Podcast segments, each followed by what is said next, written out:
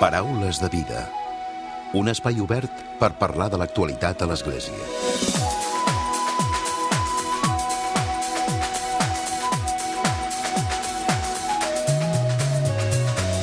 Què tal? Salutacions i molt bon dia, molt bon diumenge. És un plaer tornar-vos a acompanyar una nova temporada des de Catalunya Ràdio, des del Paraules de Vida, que volem continuar acostant-vos cada setmana a l'actualitat de l'Església i del fet religiós a través d'entrevistes amb els seus protagonistes directes. Una temporada que comptarem també amb l'anàlisi de l'actualitat del capellà i periodista Francesc Romeu, com sempre al tram final del programa. Avui iniciem, com us expliquem, la nova temporada i ho fem conversant, com ja sol ser una tradició en aquest programa, amb l'arcabisbe d'Urgell i copríncep d'Andorra, amb Joan Enric Vives. Amb ell analitzarem l'actualitat social i religiosa de Catalunya, d'Espanya i del món. I un dels temes que des de fa uns mesos ocupa les portades dels mitjans de comunicació és la crisi humanitària, els refugiats i totes aquelles persones que marxen del seu país buscant una vida millor. El passat 25 d'agost, Joan Enric Vives reflexionava amb un article a La Vanguardia sobre aquesta qüestió. De seguida el saludem.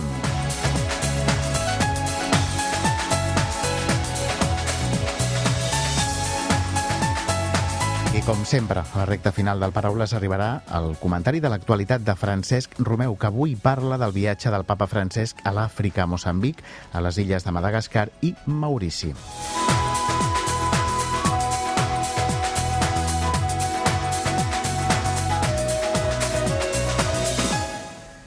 Senyor Arcabisbe, bon dia i benvingut al Paraules de Vida. Molt bon dia, bon diumenge a tots. Comencem la temporada i, com hem dit ara mateix a la portada, sempre ho fem traçant el nou curs i què és el que serà actualitat o què és el que és actualitat, i ho fem amb la seva companyia. I ara hem parlat d'aquesta crisi humanitària. De fet, n'han parlat i és una de les preocupacions que tenen els bisbes actualment. Sí, lastimosament, eh, eh, per més que s'ha resolt la situació d'alguns d'aquests vaixells que estaven, diguem, no els deixaven atracar, finalment totes aquestes qüestions, i tot han fet un canvi de govern a, a Itàlia, no? Doncs eh, duraran, no, no hem pogut resoldre, però tornaran. Per què? Doncs perquè la gent està malament als seus llocs i tenen guerres, tenen fam, tenen poc treball, tenen ganes de, de, de créixer i de millorar, com tots i tothom i tots els països han tingut sempre, i per això Europa atreu com a terra de riquesa i com a terra també de seguretat i de pau. Per tant, aquí queden moltes, moltes possibilitats, és clar, però una és tancar-se i, i fer murs i separar-se i defensar-se i expulsar, i l'altra és acollir, acollir amb racionalitat, acollir amb, amb, amb, amb ordre i acollir entre tots. Tampoc és cert, també és cert que no cal que siguin els països més propers al, al continent africà o asiàtic d'Europa els que hagin de rebre, eh, diríem, tot el contingent de persones que ho reclamen, sinó que s'hauria de repartir. I certament que Europa també ha de prendre consciència, primer, que ella és, és capdavantera dels drets humans i del respecte de la dignitat de les persones. I aquí hi ha persones que ens demanen ajuda, no les podem oblidar, no les podem menysprear, i alhora aquestes persones ens ajudaran.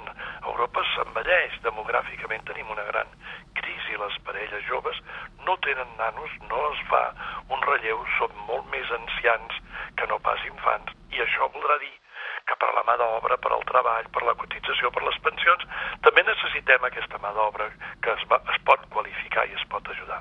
És a dir, aquest, aquest, aquest missatge que al final el papa, el papa francès té tantíssim interès que els cristians no defugim i els bisbes, jo ho he recordat i he recordat paraules d'ell precisament en el meu article que vos fèieu esment en la portada. El papa vol també que a finals d'aquest mes de setembre, crec que és el diumenge 29, sigui la jornada pel refugiat i els emigrants. Bé, doncs hi haurà un moment també intens, ja només de començar el curs, per a reflexionar-hi. Uh -huh. Doncs eh, queda clar també quina és la postura, quina és la, des dels bisbes el que, el que ens demanen no? i el que diuen de generar aquestes actituds que siguin solidàries cap als refugiats, no? perquè sembla que Europa se n'oblida d'aquesta qüestió, oi?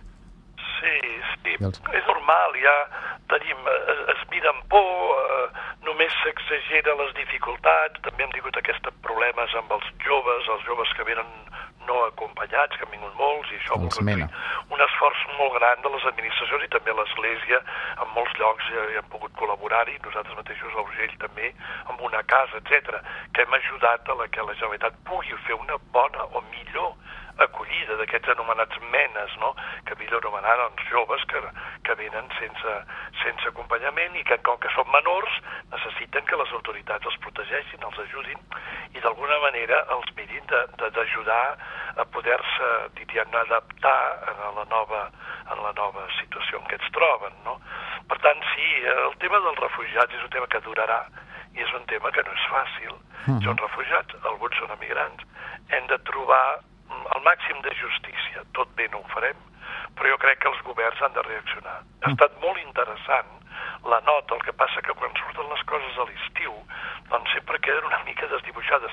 I jo hi feia referència en el meu article que han fet Justícia i Pau, la Comissió de Migracions, Càritas, Confer, doncs han intentat cridar, fer una crida no? una, a, que, a que Espanya doncs, eh, respongui a, amb generositat. De fet, hem estat un país de migrants, Catalunya també, tot Espanya, hem emigrat, no només dintre d'Espanya, sinó a Alemanya i a Sud-amèrica i a Amèrica i a l'Àfrica en part. És a dir, també recordem-nos que vam ser emigrants nosaltres, com diu el llibre del Levític. I ara, doncs, doncs quan tu reps emigrants, tracta'ls bé, no?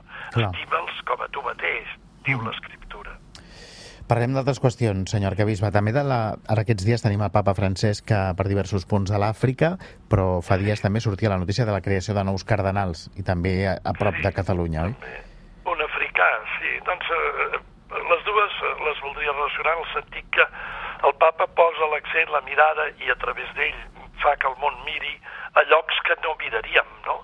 Països de, que són pobres, que, que, que tenen moltíssimes dificultats per sobreviure i per tirar endavant, com és el cas, per exemple, de Moçambic o el mateix Madagascar. Les Illes Maurici és una altra cosa, perquè tenen molt turisme, etc i, i els ha anat molt millor. Però aquests països que són perifèria, el papa ho ha volgut, que l'Església vagi a la perifèria, però amb els seus viatges ho fa.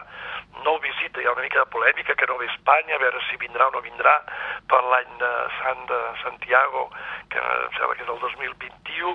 Bueno, estupendo, nosaltres l'acollirem moltíssim.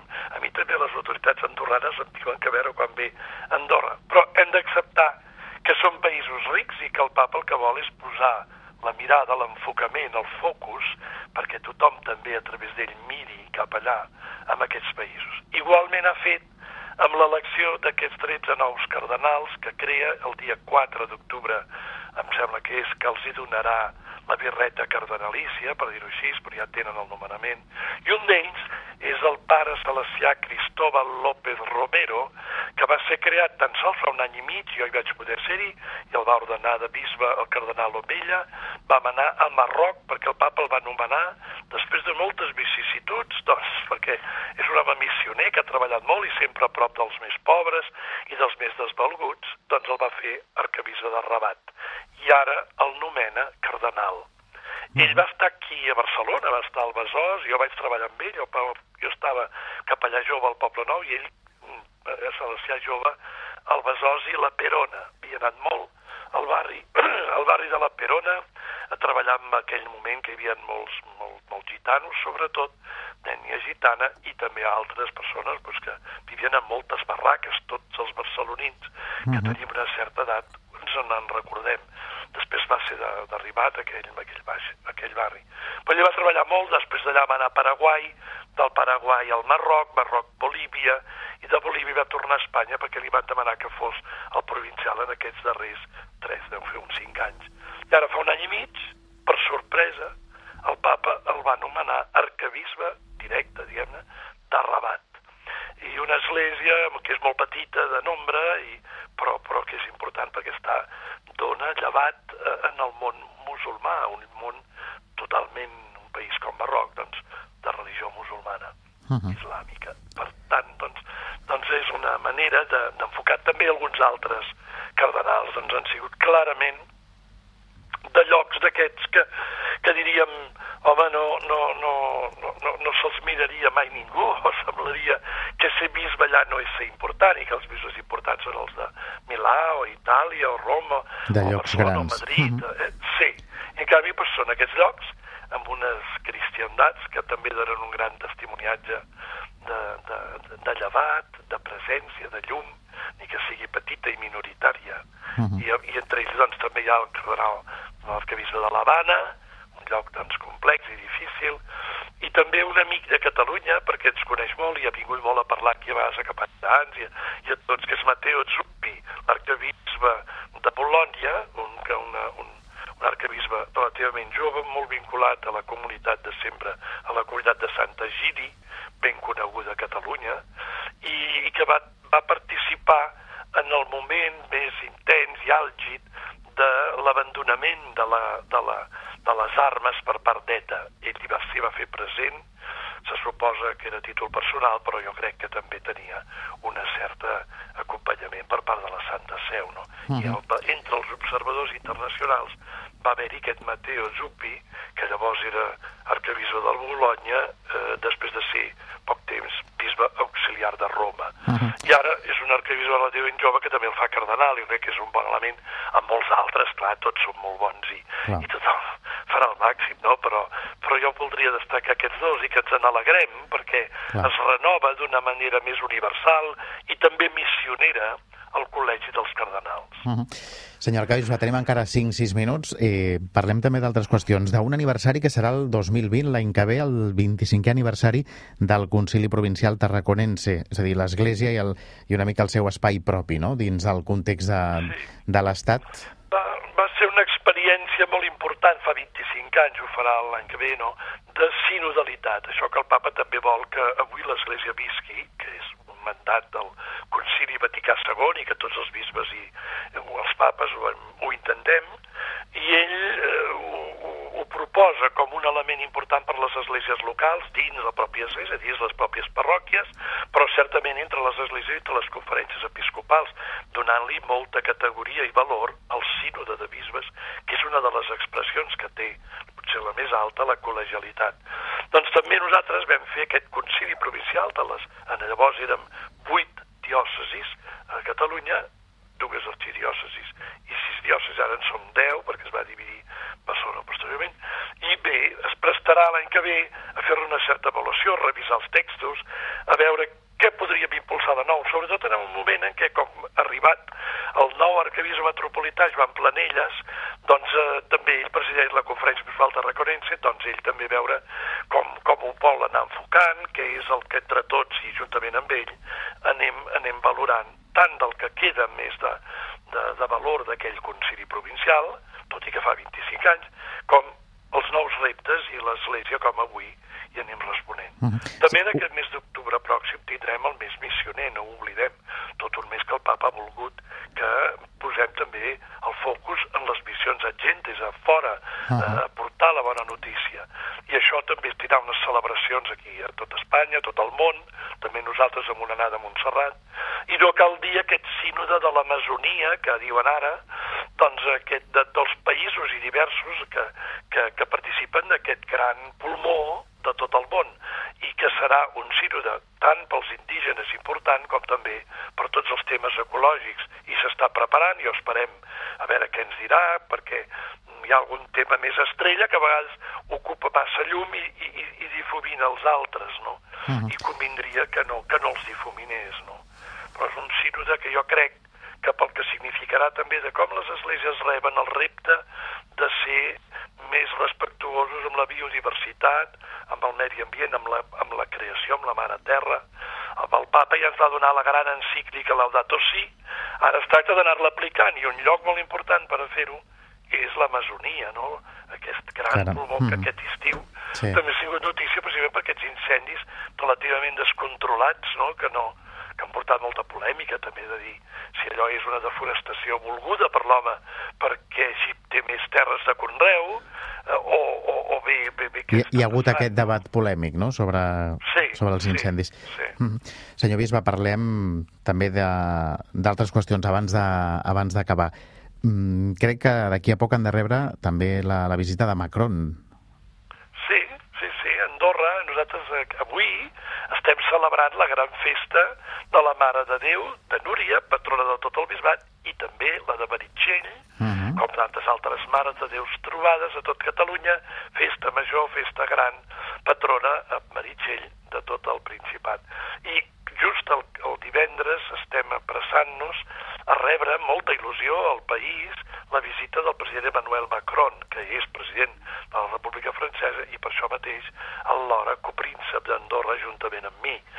Bé, és un moment de, de, de, de, de que el puguem rebre, de que ell conegui més de prop la realitat andorrana, tant totes les parròquies, perquè visitarà totes les parròquies, i les institucions més grans, tindrà un, un bany de masses, que ja sabem que Andorra les masses són petites, però, però són importants i significatives, i també el volem escoltar amb la seva defensa, amb aquest camí que està fent Andorra d'aproximació amb un acord d'associació amb la Unió Europea. Nosaltres no entrem, i no és aquest el moment encara, a la Unió Europea com un membre propi, sinó que volem un acord d'associació favorable per les dues parts, i això s'està negociant. També s'està intentant que totes les forces polítiques, com un gran tema d'estat, hi participin. Són els reptes que tenim i, i, que, i que li demanarem a la Mare de Meritxell que ens hi ajudi. Uh -huh. I per acabar, parlem també, encara que sigui breument, encara tenim un parell de minutets, dels esforços que està fent, senyor Cabisba, l'Església en el cas dels abusos, per aclarir, per donar, per posar llum, oi, en tota aquesta qüestió? Aquests dies, veritat, fas bé de dir-ho, perquè, perquè realment acaba de fer-se pública aquesta, aquesta nota, aquest comunicat de l'abadia de Montserrat, que va ser polèmica des del mes de gener passat, eh, i, i estem, estem immersos en una, en una neteja de tot allò que no es havia fet bé, que era pecat i que era maldat i que eren delictes en alguns moments no? i en alguns temes, i per tant tot el que sigui abusada la canalla no pot ser de cap manera de ningú, però encara els nens trobo que tots saltem més encara, no? Hem de respectar les innocències de les persones, que a vegades també, com tothom sap, eh, els mitjans de comunicació aviat es botzen la, les fames de les persones i després a vegades es, es corrobora i alguna vegades no. Per tant, també hem de saber-ho compaginar, no? Com reaccionar ràpidament i, i d'estar al cas, precisament, de no justificar mai cap abús, de cap manera, i de buscar la, la, que, que les víctimes se sentin escoltades, valorades i que se'ls demani perdó quan convé.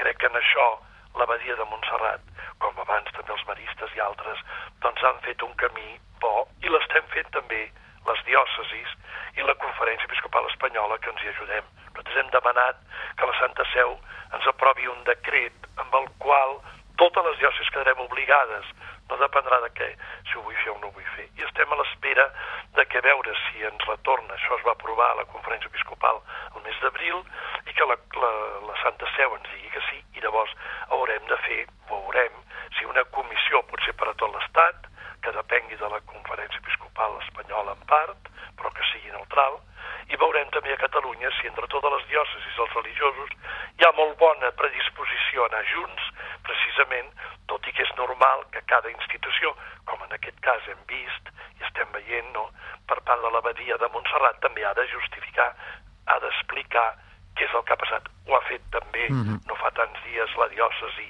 de Girona, i ho han fet molt Tarragona i algunes altres, no?, que han tingut alguns problemes. Transparència que en aquest cas s'està aplicant. Sí, doncs, sí, avui... transparència i sobretot sol·licitud per les víctimes, no? perquè potser les víctimes s'han sentit en molts moments que no n'eren prou escoltades o que han patit un calvari que Mhm. no ha estat prou, prou valorat o prou, prou escoltat, prou acompanyat i, i també eh, prou penalitzat, perquè a vegades Clar. pues, aquí al darrere el que hi ha són delictes que, que la justícia realment és la que ha d'actuar. Nosaltres ja hi estem d'acord amb això, que no perquè s'investigui dins l'Església, s'ha de donar compte de seguida a la Fiscalia, perquè si el Ministeri Fiscal ho creu, doncs també persegueixi aquells que puguin ser culpables, o almenys ho investigui, no? Clar, queda clar, senyor arquebisbe. Gràcies per haver-nos acompanyat avui en aquest inici de temporada del Paraules de Vida. I fins home, aviat. Un bon gust també pel teu programa, per aquest programa, i que cada matí dels diumenges saluda a tot Catalunya. Jo estic molt, molt agraït també al, al, a l'amic Pacheco, que el porta des de fa tants anys i amb molta, amb molta intensitat i amb molta, i amb molta professionalitat. Gràcies. agraeixo a tots els que hi col·laboreu i a tots els que l'escolteu. Gràcies, senyor arquebisbe. Paraules de vida. I tot seguit arriba el primer comentari també de la temporada de Francesc Romeu. Francesc, bon dia i benvingut. Molt bon dia a tothom i molt ben retrobats després de les vacances d'agost. Podríem començar fent repàs dels principals esdeveniments d'aquests dies de vacances, de les grans calorades que ens constaten cada vegada més que hi ha un autèntic canvi climàtic en marxa, dels grans incendis entre nosaltres, però també a l'Amazònia, un dels llocs dels quals parlarem i molt el mes vinent perquè se celebrarà a Roma el Gran Sínode sobre l'Amazònia, i de moltes altres coses, però l'actualitat ens obliga sempre a parlar del que està passant ara mateix. I no puc deixar d'esmentar que tenim el papa Francesc a més llunyana. Si el papa Francesc ens parla contínuament d'anar a les perifèries, val a dir que ell n'és un exemple clar. En sis anys que ja fa que és papa, encara no ha tornat a casa seva, a l'Argentina, i ha anat a cap, tampoc ha anat a cap lloc buscant l'aprovació d'una majoria catòlica o buscant els aplaudiments de les grans multituds. El que ell busca són els més pobres, els cristians que viuen en minoria o aquells que el puguin necessitar. Jo crec que això és exemplar. Actualment tenim el papa francès visitant els països africans de Mozambic, la illa de Madagascar i la illa de Maurici. Aquest és el 31è viatge apostòlic del papa Francesc, el quart que fa al continent africà, després que el 2015 viatgés a Kènia, República Centrafricana i Uganda, que el 2017 visités Egipte i el març passat al Marroc. També va ser, serà un dels viatges més llargs. Va començar el passat dimecres 4 de setembre i acabarà dimarts vinent 10 de setembre. Un total de 7 dies quan ell mateix s'havia proposat de fer viatges no més llargs de 3 dies. I segur que també serà el més cansat, després de múltiples trobades amb les comunitats catòliques, diversos actes interreligiosos i un total de 15 discursos. El dimecres passat el papa francès va començar el seu viatge amb un vol a la capital de Mozambic, Maputo, un país greument afectat per les últimes inundacions que han causat una emergència humanitària. Tots van poder veure amb quina gran alegria el van rebre a l'aeroport.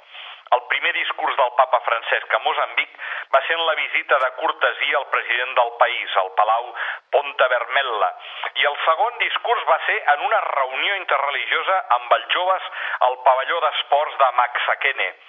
Per la tarda, després de dinar a l'Anunciatura, el papa va pronunciar el seu tercer discurs durant la reunió amb el clergat local a la catedral de la Immaculada Concepció.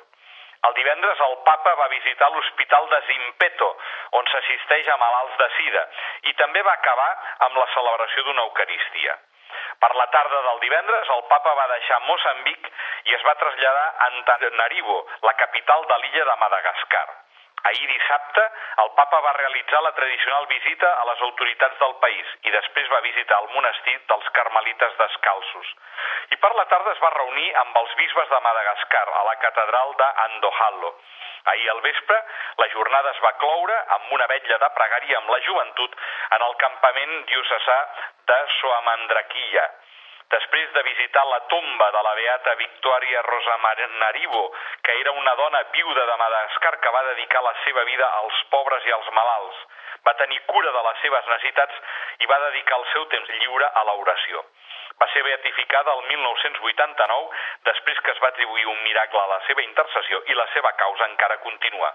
Avui, diumenge, al matí, es preveu la celebració de la missa al mateix lloc de la vetlla d'ahir i després el papa visitarà l'anomenada Ciutat de l'Amistat de Acamassoa, construïda pels mateixos pobres amb l'ajuda del sacerdot argentí Pedro Opeca. Finalment, demà dilluns, el dia estarà dedicat a la illa de Maurici, on el papa celebrarà la missa a la capital, Port Louis, davant el monument de Maria, reina de la Pau, i farà una visita privada al santuari de Perlaval per retornar dimarts cap a Roma. Per acabar, vull recordar també que el papa francès, durant el vol des d'Itàlia fins a Mozambic, en l'habitual roda de premsa amb els periodistes que comparteixen l'avió, els hi va demanar que preguéssim per les víctimes caribenyes del terrible huracà Dorian, que ha colpejat tan durament les Bahamas aquests darrers dies. Estem parlant de milers de persones que d'un dia per un altre han mort o han perdut les seves cases i ara malviuen per uns carrers plens de runes. Molt bon diumenge a tothom.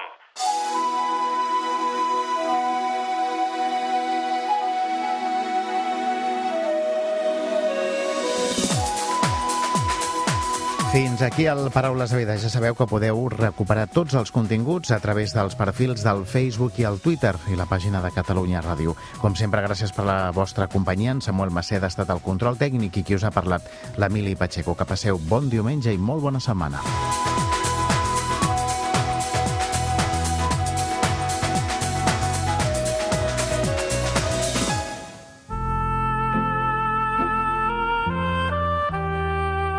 Us oferim la carta dominical de l'arcabisbe de Barcelona, Joan Josep Omella.